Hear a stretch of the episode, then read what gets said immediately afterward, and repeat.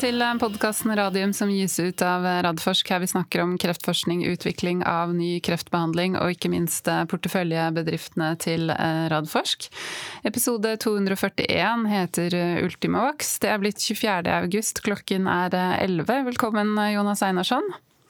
Takk skal du ha, Elisabeth. Skal vi ta disclaimeren med en gang? At jeg er styreleder i Ultimovax, så jeg skal stort sett eh, høre på hva vår CEO og CMO sier.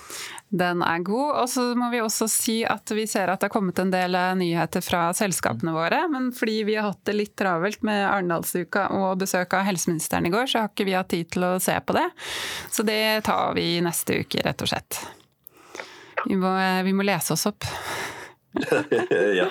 Innimellom slagene. Men det var veldig hyggelig å ha helseministeren eh, her i går. Hva, hva, liksom, hva satt du igjen med, Jonas? Nei, jeg synes hun var litt mer sånn fremoverlent uh, helseminister enn jeg har sett i en del, i en del debatter. Men uh, det har vel litt, litt med, med, måten vi, vi lager, lager podkastene på. Men eh, jeg etterlyser det jeg sa helt på slutten. Litt mer klare signaler og, og, og en sterkere styring ja. på de tingene vi er opptatt av. Nye metoder og kliniske studier og helsenæringen. Mm. Så, men, men for all del, ja. Nei, jeg er helt enig, helt enig, med deg. Så får vi bare vente og se. Jeg vet jo at veldig mange er spente på statsbudsjettet, men det var jo som vi sa til henne, at vi, vi er ikke ute etter penger. Vi vil bare at eh, man skal eh, ta bort noen hindringer, eh, og tenker at det, det holder massevis for å sette fart. Ja, mm. lenge det kommer, jo lenge det kommer penger til fastlegene, så er det bra. Ja. Men eh, den skal vi ikke ta nå. Nei. Det skal vi ikke gjøre. Uh, then we'll switch to English, and it's uh, nice to say welcome to Carlos de Sousa, CEO in Ultimovax. Hi, good morning, everybody. Thanks for inviting us. Thanks for joining us. And also Jens Bjørheim, CMO in Ultimovax. Welcome to you. Thank you. Good morning, and thank you for having us here today. Mm -hmm. Looking forward to hear from you again. You had uh, your Q2 presentation uh, last Friday, I guess. Yeah, and uh, I think we should start just with the highlights. What are the highlights of the quarter or maybe half year? Uh, I mean, we are half year now, Carlos. you know, absolutely. Well, you know, was another very successful uh, quarter and basically a half year for Ultimovacs. I think uh, we hit several uh, important milestones in terms of development of the company. Of course, the, the one that we were very pleased uh, and happy to have achieved was the conclusion of uh, the enrollment in the Initium study that we communicated in June. You know, I, I want to highlight here that basically it took us precisely two years from June 2020 to June 22 to finish enrollment of these patients despite all the challenges with the pandemic. So I think the the team and the investigators did a, a great job here. So very important milestone to have achieved during this quarter.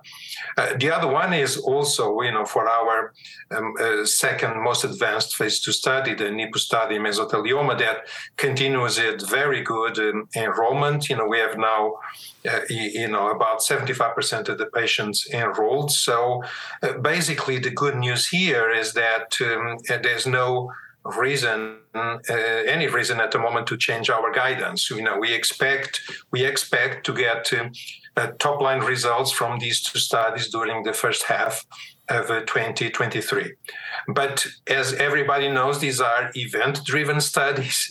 So, you know, we will inform when the events happen. Eh, that's the, the, the, the, you know, the part we cannot control.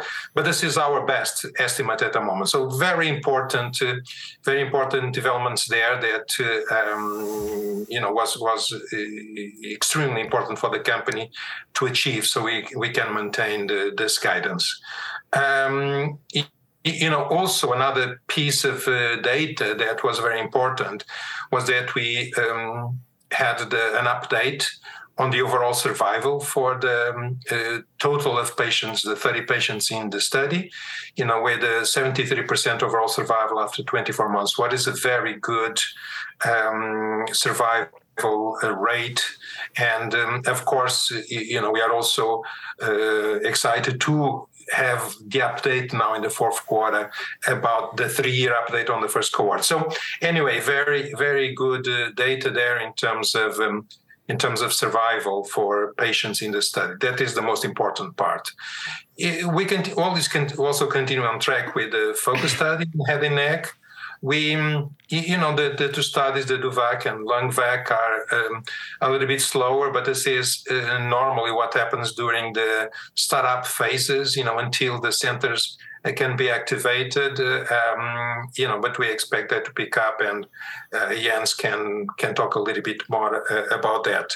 The, the, other highlight that I would really uh, want to emphasize also is uh, the fact that um, we continue to be more present among the medical and scientific community. This is very important. This is how we raise awareness of UV1 and, uh, and the, the, work of Ultimovacs. So we have been presenting and and, and publishing data, and we um, plan to continue to do that. And you know, uh, last but not the least, you know, I think it's important to, that we continue to move uh, along with with the TENDU study. Uh, as we informed, you know, so far there is no safety concerns. Basically, allows us uh, the, the independent safety, safety and monitoring board uh, says that basically we can continue to enroll up to three more patients, you know, and that's what we plan to do to collect more data. So, no safety concerns so far. Uh, what is uh, very good news. And, and here, you know, we will co- continue to collect this uh, safety data on the additional patients.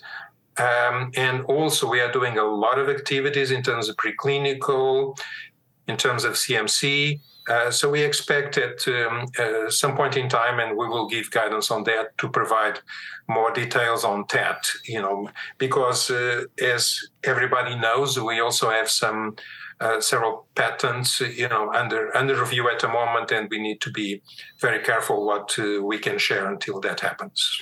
Mm-hmm. So, right. you know, from from my perspective, you know, this. Uh, these are the key highlights. Uh, uh, in terms of financials, I think it's very important also. Just wanted to, to give this uh, last highlight is that we continue to to have a runway and the guidance to the first half of 2024. you know, that taking us a across the data from uh, you know most of these phase two studies what we believe is a very important, uh, very important for biotechs, particularly in these volatile uh, moments, that uh, times that we live at the moment. So we are very happy that uh, we can focus on the business uh, because it's very tough out there mm. if you need to raise money in these times. So this this will be the the kind of the key highlights. Great, thank you. Jens, do you have anything to add? I think it was uh, great summarized by Carlos. Uh, I just want to say that it's also uh, good that the world is opening up again. So uh, this year, ASCO was back at least uh, partly as an on-site uh, event, and very nice to be able to meet the investigators and other colleagues around to discuss both um, cancer treatments as such and also the vaccine. So um, it's very good that it's opening up again. Mm. Uh, I think that was a major, new, important thing. Yeah, absolutely. Uh, absolutely, and we just were at Arendalsuka last last week, and it was great to be there as well. So it's great to be out and about and networking and talking to people and get uh, input again. Absolutely. Yeah, it is. Um, uh, yeah. Yeah. No, I just wanted to make a comment there because you know we uh, as Jens mentioned, this is very important, and we are going to be present in you know more medical conferences for the rest of the year you know uh, where we continue to plan to meet with the investigators in our studies. And and that is very important for them uh, to build that relationship and the support and uh, move forward. So yeah. Mm. Good. Um, I will go through the through the studies. If we start with the Initium trial, which is now fully enrolled, is there something to add here to this study, or is it just to watch and wait? I, I, think it's it's really watch and wait. You know, as as we said, now the enrollment is is concluded. We need to, you know, the the CRO is uh, you know trying to do as much cleaning of data as possible. You know, we we are not we are not uh, you know involved in that in that process.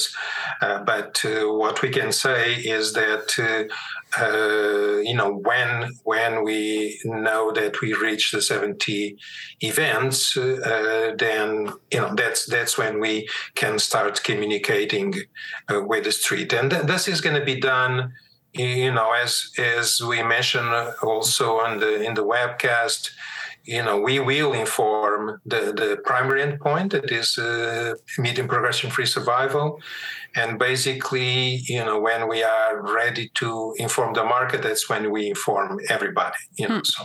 Good. Do you have anything to add, Jens?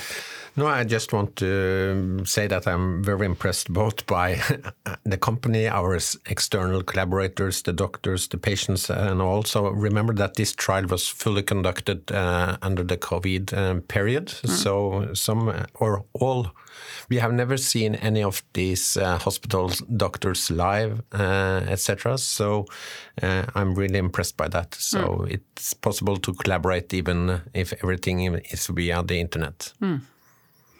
That's true. Jens, uh, uh, as, as, you know, I've talked to you about that before. I get a lot of questions and speculations about uh, if it takes longer to, to get these results, and that could say something about how the outcome will be. And uh, you, I think you have told me that um, we can absolutely not uh, say anything about that before before we have the numbers. But could you elaborate a little bit about that? Because I know I know there's a lot of questions around it. Yes, uh, I can do that. So, uh, as we have stated several times, uh, this is uh, an endpoint-driven study. So what that means, yeah. So what that means is that there's a predefined number of events that should occur in the study, and we have used the PFS and progression, and death is is the endpoint in this study. So we are waiting uh, and gets information from third party that is reading the images um, blindly, and this is also blind to us. Uh, they will inform us when we are approaching the 70 endpoints. At 70 endpoints, the database will be closed, and thereafter, uh, the endpoints will be divided between the two arms.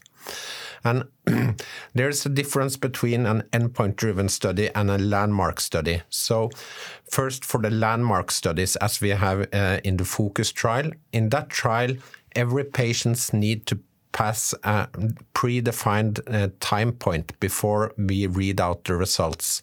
So in that trial, it's six months. So six months after last patient uh, has been included, uh, the trial will be uh, closed for the endpoint, and there will be a readout.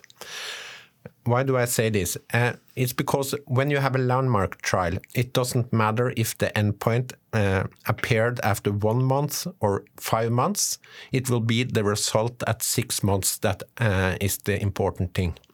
When you have an endpoint driven trial, as we have with the Initium and, and uh, NIPU trial, uh, then also the time point when uh, the event actually occurred is important. So uh, it's uh, both the number of endpoints, uh, but also when actually those 70 endpoints occurred. And for the um, specialist uh, listener, and this is this is what is called a Kaplan-Meier plot. So we are um, not only looking at the number of endpoints in the different arms, we are looking at the area uh, between the two arms uh, in a Kaplan-Meier plot. That will be uh, the endpoint in this trial. Great. Do you, was that okay, Jonas? Yeah, uh, and I, I think uh, also uh, that's good to, to, to, emphasize that it's a delta between the two arms that re really reads out. And if the, this delta is read out in January next year or April next year, that uh, the, the time frame here will, don't tell us anything about the outcome. I think that's the most important thing, Jens. Yes, that is true. And um, the form of the curves in, in, in that diagram will be in a way decided by the mode of action of the vaccine. And uh, as of now, we have hypotheses about how the vaccine works, but uh, um, these results will, in a way, give us more information on that. So uh, the curves can take many sh shapes, and uh, we don't know don't know uh, the shape of the curve uh, before we have the result. All right, thanks. Great, thank you. Uh, moving over to the NIPU, NIPU trial, which is now, uh, you said 75% uh, patient uh, enrolled, so it's moving fast uh, as well. Uh, any comments to this study at the time? Um, no, I think I think the comment is that we are very pleased that uh, the study continues to to enroll patients. You know, investigators are committed, and uh, and we are also looking forward to to get the the, the endpoints. As everybody knows, in this case, is 69, uh, 69 events. So um, we are just pleased that uh, the study continues to enroll uh, uh, on track. Mm. Good. Uh, moving over to the focus trial in, head and neck, which is running in in Germany. Uh, as I, if I have understood it correctly, here you're most interested in the immune results that you can read uh, in the patients. May you say something about the importance of this data? Yes. yes. Uh, so um, the focus trial is then, uh, just to recap very shortly, so uh, it's in patients with uh, uh, metastatic uh, head and neck cancer or patients that have a recurrence of head and neck cancer. So these are advanced mm, cancer patients. They need to have PD-L1 expression, and that is the standard of care, where pembrolizumab is the standard of care for patients. So uh, in this trial, we have two arms with UV1 and pembrolizumab in 50 patients and pembrolizumab in 25 patients. And it is an extensive um, collection of uh, uh, samples from these patients, both liquid biopsies and also solid um, uh, samples. And um, one of the ambitions with this trial, uh, beside uh, understanding clinical efficacy and safety, will be to further understand the mode of action of a cancer vaccine in combination with checkpoint inhibitors. And so what we really would like to know is what happened with the T cells we know we expand from our earlier trials. Uh, how will they work within the tumor and what kind of consequences will it give for the patients? And we are looking at um, different Uh, endpoints here, like the repertoire of uh, T cells in the patients uh, prior to any treatment and after treatment. And we are also looking at different tentative future biomarkers like uh, PD-L1 expression, like uh, mutations uh, in the telomerase um, uh, area, etc. So we, uh, the ambition is to get uh, also understanding of the mode of action from the scientific point of view. Hmm. Great. And, this is, uh, you know, this is a particular focus in the study. You know, while it's focus and there's a focus of the study is, as as Jens mentioned, in addition to, of course, you know, seeing the the, the benefit of adding UV one to to pembrolizumab in the very difficult cancer to treat, where the, the checkpoint inhibitors have very poor efficacy. Uh, but the, this is the other value, as mentioned, is because this group, uh, the group of Pro- Professor Mascha Binder, just outside of Berlin, this is they are recognized experts in this field of understanding these dynamics and the micro uh, tumor environment. So um, you know that uh, we, we will get uh, more data to try to understand, but um, of course will not be right at the beginning, you know. But uh, but it's there's a lot of um, data that hopefully will give us a, a, much better understanding of these dynamics. Mm. Good. And then uh, DOVACC, as you said, uh, Carlos is moving a bit slower, which is uh, which is uh, quite normal in the start of a, of a, study, and this is quite a complex uh, investigator-driven study. Um, what may we anticipate uh, in the future? Are you anticipating a catch-up effect, or are you anticipating that it will move at a slower pace? I mean, it's hard to say, of course, but. Jens? Well, so uh, this is a large study, uh, around 10 countries in uh, Europe, and there's a lot of collaborative groups. Um, the way this field of oncology is built up is that there are local groups, like NSGO is the Nordic group working with the clinical trials within gynecology, and then there are similar groups in other countries in, in Europe. So uh, NSGO is the sponsor, so they are responsible for the first communication with authorities, and they have decided to approach um, a few authorities in the beginning That is to get feedback on the protocol uh, from few. Uh, they can correct the protocol and then distribute it to the regulatory bodies in all the countries involved. Uh, so that has been uh, done. Also, they need to be in contact with all the ethical committees at the hospitals and in the different countries uh, to get approval for the study. And uh, last but not least, they also need to negotiate the contracts uh, between NSGO and all the different uh, hospitals. Um, we have said this several times before, but of course, this has taken somewhat longer during the COVID pandemic with home office, people is not in work um, online, etc. Um, just until recently, only one site were actively, actively recruiting in this trial, but now uh, more sites are opening, and we expect uh, uh, the inclusion of uh, patients to um, speed up uh, over the next months. Hmm. And also, um, this trial is stated to be um, of high importance and interest uh, for these groups. I went to their annual meeting in, back in March, and it was discussed and presented, and in a way agreed that this was one of the main and uh, most important trials they conduct within um, these groups. And there will also be a trial in uh, progress poster uh, at the European uh, Society of Gynecological Oncology uh, end of October, presented by the PI of the study. So it is interest, and as far as uh, I have understood from different discussions there is no change in the standard of care for uh, ovarian cancer over the last few years that uh, impair uh, the relevance of this study. So it's still, according to them, a highly relevant uh, study to be um, performed. Mm, good. Uh, last but not least, uh, the LUNGVAC uh, study that will go here in in Norway. Here you're waiting the first patient uh, to be enrolled. What's your anticipation in the more longer future for this study? Well, so uh, the LUNGVAC study was a great initiative from Odd Terje Brustugun, professor at uh, Drammen Hospital uh, and Oslo University. Um, so this was a study that was discussed by the Nordic uh, Norwegian group of uh, uh, lung doctors, and it was agreed that it was a very interesting approach to add UV1 on top of standard care pembrolizumab mm.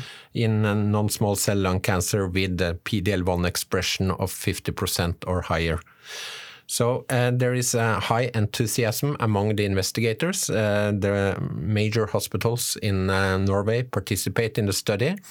And uh, one good thing here is that there is the same stand standard of care in all hospitals. So all these patients will receive pembrolizumab uh, as standard treatment. Um, and still, the doctors uh, see um, the need for improved um, treatment of these patients. And this study hopefully can um, give extra efficacy for patients without adding too much safety. Um, everything is ready to go. They are screening patients, so we expect um, inclusion of patients to uh, start quite soon, and um, also hope that inclusion will go according to, to plan. Mm. Good, will be very exciting. Um, before we move over to the questions from the listeners, do you have anything to uh, to add? Uh, yeah, I just want to, you know, as again as I mentioned the webcast, talk about now a little bit uh, looking forward. You know, what what can we expect? Uh, because these are going to be exciting times uh, uh, for us and for patients. Um, so we, in terms of data, of course, we, as I mentioned, we expect to get uh, three-year overall survival in the first cohort in the 103 study. Uh, what is a very important uh, piece of data because this is where you really start seeing more this uh, separation and the benefit of uh, extending the survival curve, uh, curve by by the cancer vaccines. Uh, of course, also then in the in the first half of 2023, as I mentioned, you know, um, the, the, the data from Initium in NIPU, and that we are uh, working as a, as a company, you know, we are uh, preparing for that event. But also, you know, in uh, in other fronts, uh, we continue to to move along with uh, with CMC activities, as we have been very vocal. We want to make sure that by the time we get the data, we have in place a commercial process for the manufacturing of UV1, what is a very key value uh, to for us to move forward to the next stage of development, also for a potential strategic partner, uh, because this would allow them to not waste any time. Um, in terms of uh, uh, different audiences, as I mentioned already, we are looking to continue to present and publish data in scientific and medical journals. Um, you know, we continue the regular contacts we have with the, the pharma companies that uh, could be um, potential strategic partners. You know, this is a regular activities that uh, Ton, our chief business officer, maintains in, and participate in these business development uh, conferences. Uh, but also, you know, as as expected, we have been doing uh, intensified the contact with, um, you know, uh, key investors and our You know, we very soon we are going to have uh, the opportunity to meet uh, several of our shareholders at this uh, Meet the Team event that we're going to have in Oslo on on the September 6th. So if you haven't registered, please do. And that then we are going to replicate in different other cities in Sweden and in Norway. But uh, in addition to that, and we will put this information on our website, we are just getting final details. We will be also um, participating at investor conferences in um, Sweden, uh, New York, uh, London. Um, and also, in addition to that, we have uh, regular one-on-one uh, calls with uh, with investors, particularly uh, specialist investors, because it's important to again to keep these uh, these uh, key audience informed about our progress. So this is really um, all the things that we are focusing at the moment on, on, the way also to the to the data from Initium and NIPU. Mm, good, busy times busy time. That's good. Okay, so moving over to the questions uh, from the listeners then. Uh, question one I understand that normal practice in clinical trials is a quality control process done by the clinical research organization to verify the data before they are passed on to you as a company. If this is also the case in Initium, how much time will this take? What will be the time between the actual radiological confirmed 70 events and the information to the market? You know this uh, thanks for this question because it allows me to clarify a little bit you know timing for expectations. You know this is it's correct. It's a clinical research organization or cro that uh, you know monitors the study but we have different uh, contract research organizations. The one that monitors the study the one the one that independent reviews all the, the, the imaging you know the other one that does the lab. So it's not just one entity um, but uh, as as was mentioned in the question, it's very important after we have the 70 events that basically the database is cleaned and confirmed. So, so that is a process that we can really not tell you how long it's going to take uh, because it depends, you know. Uh, discussions also with the centers. What I can tell you is that we, as a company, we are, you know, in close contacts with these organizations to make sure that they they try to to clean up this data, you know, as as the study progresses. So then uh, that the, the final stages will not take as long because some of that work was already done by them. So, um, but I cannot give a precise a precise date. Normally, you know, takes two to three months, but we try to we try to to, to shorten that. Um, but it's, it's very important for people to understand that, you know, uh, we are informed that there are 70 events, and then that triggers a lot of other activities before before we know really what is the data, because that is a very important uh, thing that we want to do. You know, we want the, the quality control because we want to make sure that the the, the, not only the imaging but all the other information you know matches. Mm. Good. Uh, next uh, question then. When can we anticipate more information on the UV2 TET program? Yes, again, thanks for, for that question. You know, we, we have a much higher high, high, high interest in, in TET, you know, what we can understand. Um, so what I what I can uh, you know mention as as I briefly also mentioned earlier is that there are a, series of activities behind uh, the TET platform in general. Uh, one, we are doing uh, preclinical activities, we are doing CMC activities, we have the patent going on, and of course, very importantly, you know, one component of this puzzle is the the safety data that we are getting from from the TENDU study. That is very specific in prostate cancer. While, as everybody knows, that that platform has a much huge and broad potential. Um, so, as I mentioned earlier, we, we are doing all these activities, and I think we will be, uh, you know, later in the year, uh, beginning of next year, we'll be able to to be in a better in a better position to give a guidance when uh, these different pieces are in place, and particularly as I mentioned, the, the IP component that is very important, to, that we can be a little bit more open and uh, give a good update on what's happening with the, TET platform and potential in general. So, you know, I, I just ask a little bit more patience. Uh, patience for, for that, but it's it's for the for the good sake of uh, protecting also the the value of the, the TET platform. Mm, good. Uh, question for you, Jens. Um, what significant new insights in telomerase as a target do you have now versus 10 years ago? Yes, so thank you for that. I, I guess one of the reason why the uh, question was asked is because there has been uh, cancer vaccines um, 10 years and more uh, back in time that showed good immune responses, but you didn't see uh, too much clinical efficacy.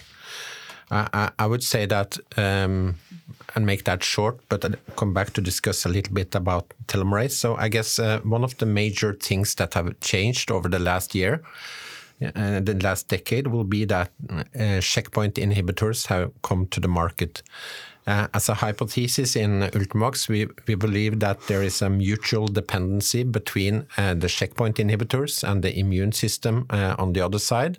And what we are doing with the vaccine is to add um, T cells to the T cell repertoire in patients, which we really believe is important. And that, those T cells, as the listeners will know, will be directed towards telomerase. So, just a few words about telomerase because it has been uh, asked uh, in different versions regarding the tel uh, telomerase as a target. So we have presented over the years that the telomerase expression leads to a situation where telomeres are replaced on the tumor cells so that they, at least in theory, can have eternal uh, cell uh, division. And also, uh, we have often stated that telomerase is essential and important for, for the T cells. Uh, I, I don't think maybe we have emphasized that enough. So telomerase as such, uh, the effects of telomerase is to put the telomeres back on cells so they can divide. And that is uh, the feature of that uh, enzyme. we are not. Um, one additional thing that comes on top of that is that to be a su successful cancer cell, uh, tumor, you need to have a strategy uh, for eternal cell division. And 85 to 90% of cancers have selected to uh, start expression of telomerase to be in such, such a position. But when we are using telomerase as a target, it's it's uh, those features are there, but uh, that is not the reason why we are using telomerase as a target. We are using it because uh, the tumor cells need to have it activated to be a tumor. So we know prior to treatment that if a tumor has selected telomerase activation as a strategy for eternal cell division, it will be there over time uh, and in space, meaning that you can find the telomerase expression in all stages of the cancer and also both in the primary tumor and in the metastasis. So the telomerase as such is a prerequisite for the tumor to be able to be a tumor. Uh, uh, compared to human beings, uh, you need germ cells from women and men to meet to be a human. To be a cancer, you need a strategy for eternal cell division. So we are not working with the, with with the effects of telomerase as such. We are just observing that this effect is something that need to be persistent in the tumor, and therefore it will be relevant to vaccinate against it over time. Uh, so that is one very important feature with this uh, self antigen. Mm, good. You are very good in explaining, I must say. Uh, next question for you, Jens. Uh, I understand that there's there is a difference in which uh, peptides the patients respond to in the UV1 vaccine when they generate an immune response. Do you see immune, immune responses to different UV1 peptides in different cancers or, or in different patients, regardless of cancer type? complicated question. yeah, uh, uh, but still very interesting. Very so, interesting. So Absolutely. just uh, one basic immunological uh, fact first. Mm -hmm. So mm-hmm. uh, in a normal cell or in almost all cells, uh, the situation is like that. So when the genes allow for production of a peptide, a protein or an enzyme in the cell, almost all the peptides that are produced will, it, will be used for its uh, intended purpose in the cell. But a small proportion of what is produced is taken aside in something called quality control, you can uh, put mm. it that way. That means that those peptides or proteins are shipped up in smaller parts and then presented on the surface of the cell in HLA molecules. That happens with all peptides or proteins and enzymes produced by every cell in the body at all times. So why do the cell present this on the surface? Well, then uh, the immune system will check is, if the sequence uh, in these peptides are the correct one. And if it is, it will keep um, away from the cell unless it will start to get interested in the cell, um, maybe killing it. Mm. So um, different responses. So we all have HLA molecules, and we do have different HLA molecules. And that means that different persons will present different part of uh, these uh, proteins to, on the surface. Somebody will present the first part of the protein, while other will present uh, a different part of the protein. And this is uh, different between all humans. We have different HLA molecules uh, in the population and also throughout the world. Uh, so uh, in our three peptides, uh, which is covering 54, 54 amino acids of telomerase, there are several so-called epitopes. That, that is sequences that we know that will fit into different classes of HLA molecules. So different persons with different HLA molecules will present different parts of, of uh, uh, peptides. Mm. Therefore, you can see that different uh, people with cancer, which we have vaccinated, will respond to different parts of the vaccine. If they by chance have um, several HLA molecules that can identify uh, different parts of the vaccine, they could have an immune response towards more than one part of the vaccine, while others will have towards one part of the vaccine. We have done screening, uh, global screening, um, to analyze um, how relevant the vaccine is in different uh, territories around the world, and, and we see that there is a very good coverage uh, with the sequences in the UV1 vaccine for populations in all continents. So when it comes to these immune responses, then that is something that is more related to you as a person uh, and not based on on on the uh, kind of cancer uh, you have actually. So, yeah. Mm -hmm. Good, thank you so much. Um, for both now, what significant new insights have you learned about the UV1 peptides over the last three to four years?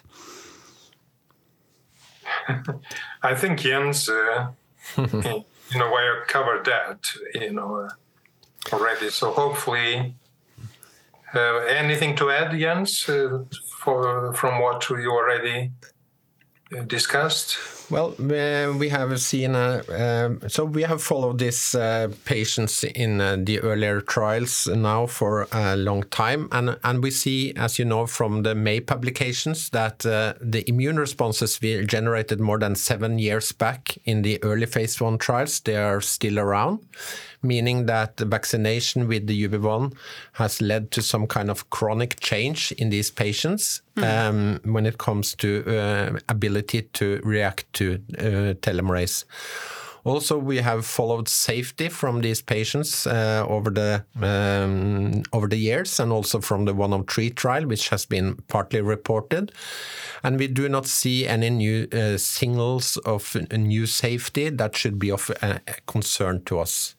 It has earlier been asked if uh, we see any uh, targeting towards uh, cells in the body that express telomerase that is not a cancer cell, and we have not seen any such uh, events as well. So, um, what we are learning is that um, we see that this is a safe product, and, and, we have combined it now with the different checkpoint inhibitors, both triple combination and with the uh, IPI Nivo UV1 and also with the monotherapy.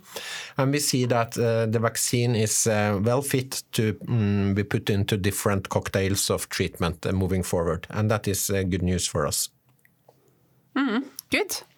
Um, next question. Uh, you have said that new trials with UV1 should generate new information. What new information will NIPU generate compared to Initium? well, you know, so the, the key the key new information is because, of course, this is a, a different indication, is mesothelioma.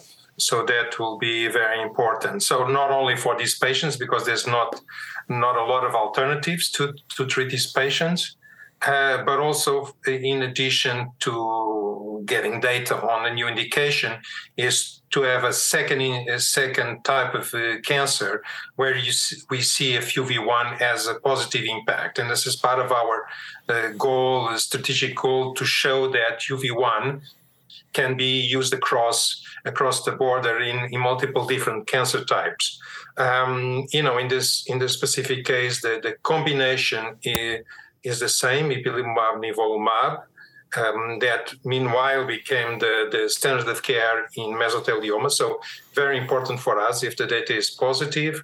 So so one part is the the, the clinical data, um, a new indication, um, uh, but also in the specific case, you know, because we are also collaborating in addition to the investigators with um, with Bristol Myers Squibb, you know, also allows us to uh, to to have interactions with uh, one of the parties that could be interested in you know in the future in a strategic partnership. So different sets of uh, values of uh, doing this study. Mm, good. And then it's more uh, investor uh, related uh, question. Uh, how has the collapses of the three of the older uh, and therefore more popular biotechs uh, on the Norwegian stock market affected the investor interest? You know, I, I cannot, I cannot put myself in the, in the in the heads of the investors. You know, I can I can say that um, you know so far we haven't uh, we have been affected as the overall biotech sector has has been affected. You know, not only in Europe but in the US. You know, we when you look at uh, the index, the XBI that is for specific for for biotechs, you know, has been has been really uh, affected. So there is a overall uh, market conditions, you know, in addition to the uncertainty in Europe about the, the, the war in Ukraine. So there are several macro uh, conditions that affect the sector.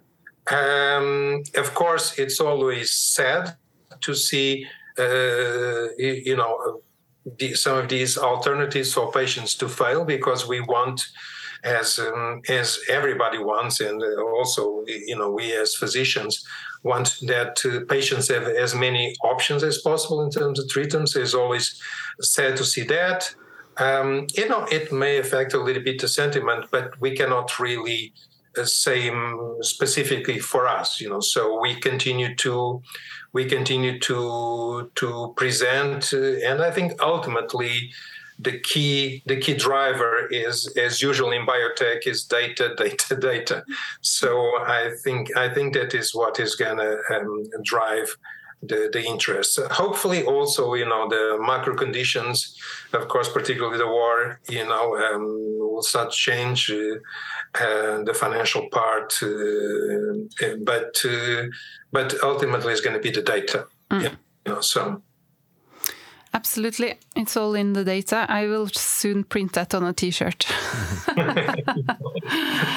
okay, moving on. We have some uh, more questions. Um, uh, for the TENDU, here you reported nine patients treated plus, plus more, three more to be treated. When can we expect immune response data from the TENDU trial? Uh, well, as I, as I mentioned earlier, you know, so the, the, the immune response data uh, is going to be analyzed, you know, for all patients. And this means that uh, we need to wait at least uh, six months after the last patient in this case, you know, the, the out of the ones that are going to be added to, to be to be um, assessed, you know, so that's, so it's to still to take some time and we will keep uh, we will keep the, the um, you know the market informed. And, as I mentioned, you know we we we will be uh, giving a, a, little bit better guidance when we can be uh, more open about um, about the TET platform in general and then in particular. Mm, okay, good. Uh, moving over to the UV103. Uh, reported median progression free survival is 18.9 months for all 30 patients. It was 18.9 months in cohort 1 as well. How can that be? I don't know. uh, yes, yes. Uh, uh, can I can I try to answer this? You know, try to be you know as as short as possible, and then I'll let you continue. But because we have been discussing this a lot, but you know, of course, the the median uh, PFS is determined by the the mid range patient. And so we had a median progression-free survival of 89 months, in the in the first 20 patients in the cohort one. Basically, when we added the patients from cohort two to the to the total, uh, that median patient um, is the same that was for the cohort one. So that is how you drive. So by, by the, by adding the, the patients from uh, cohort two to the cohort one, it didn't change what was the patient the driving the median progression for survival. So that's it's it's not strange. Is that um, you know it's the same patient regardless if it was in the 20 or when we added the additional uh, the additional 10. I, I uh, Jens, you know no this is uh, perfectly uh, perfectly described.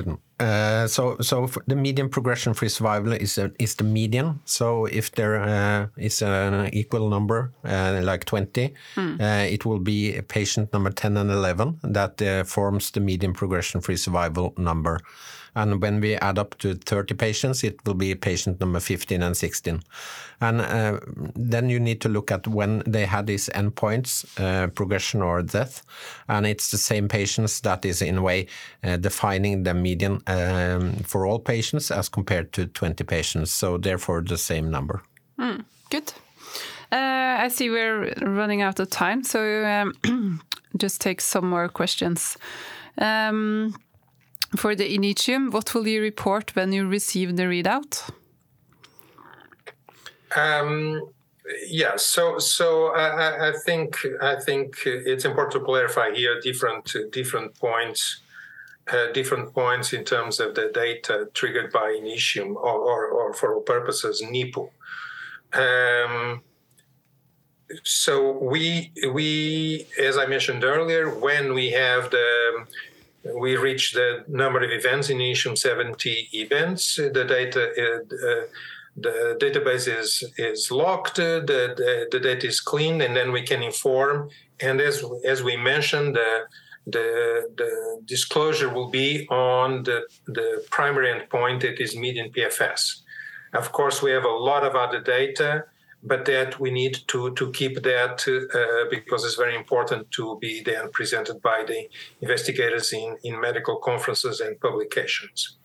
Um, but is also emphasized because we got these questions also um, at different times that uh, no one will be informed before you know or before this happens so we are obliged by the as you know by the regulations of the of the stock market that uh, when we have the information in in a, a status that we can communicate communicate, you know, after we confirm all these things, then we have to inform everybody at the same time. Mm. So the press release will be the, the point in time where the market, uh, uh, physicians, potential partners, everybody, investors, shareholders, everybody will receive the information at the same time. Did we or not meet the, the primary endpoint? Mm.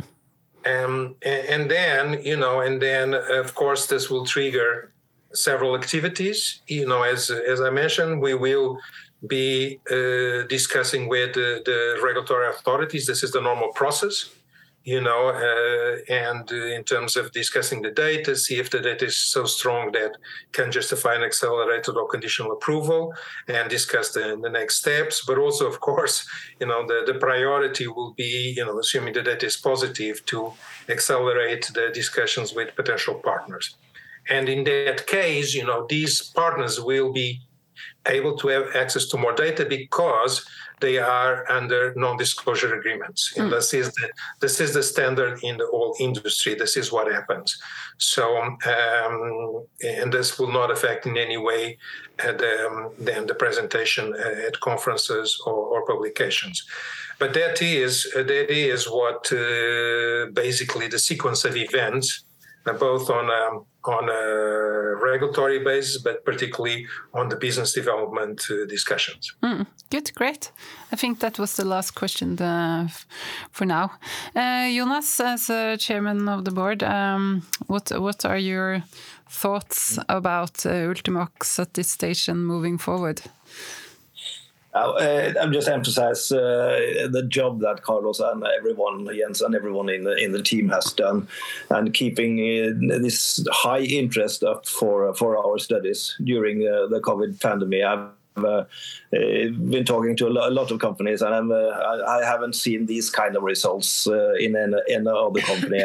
And we could just speculate is that because really the investigators are believing in in in, in the UV1 and really want to, get their patients in, but. Uh, uh, whatever reason, it's really been a tremendous work uh, done there, and we're really looking forward, absolutely, to to um, these inflection points that will come now with, um, with, with the data. And I would also uh, ask the, the, listeners to really listen to Jens' uh, explanations about the telomerase and and uh, how how these are uh, how we have to us uh, that this will will will work because that could clarify a, a, lot of questions. So thank you so much, guys.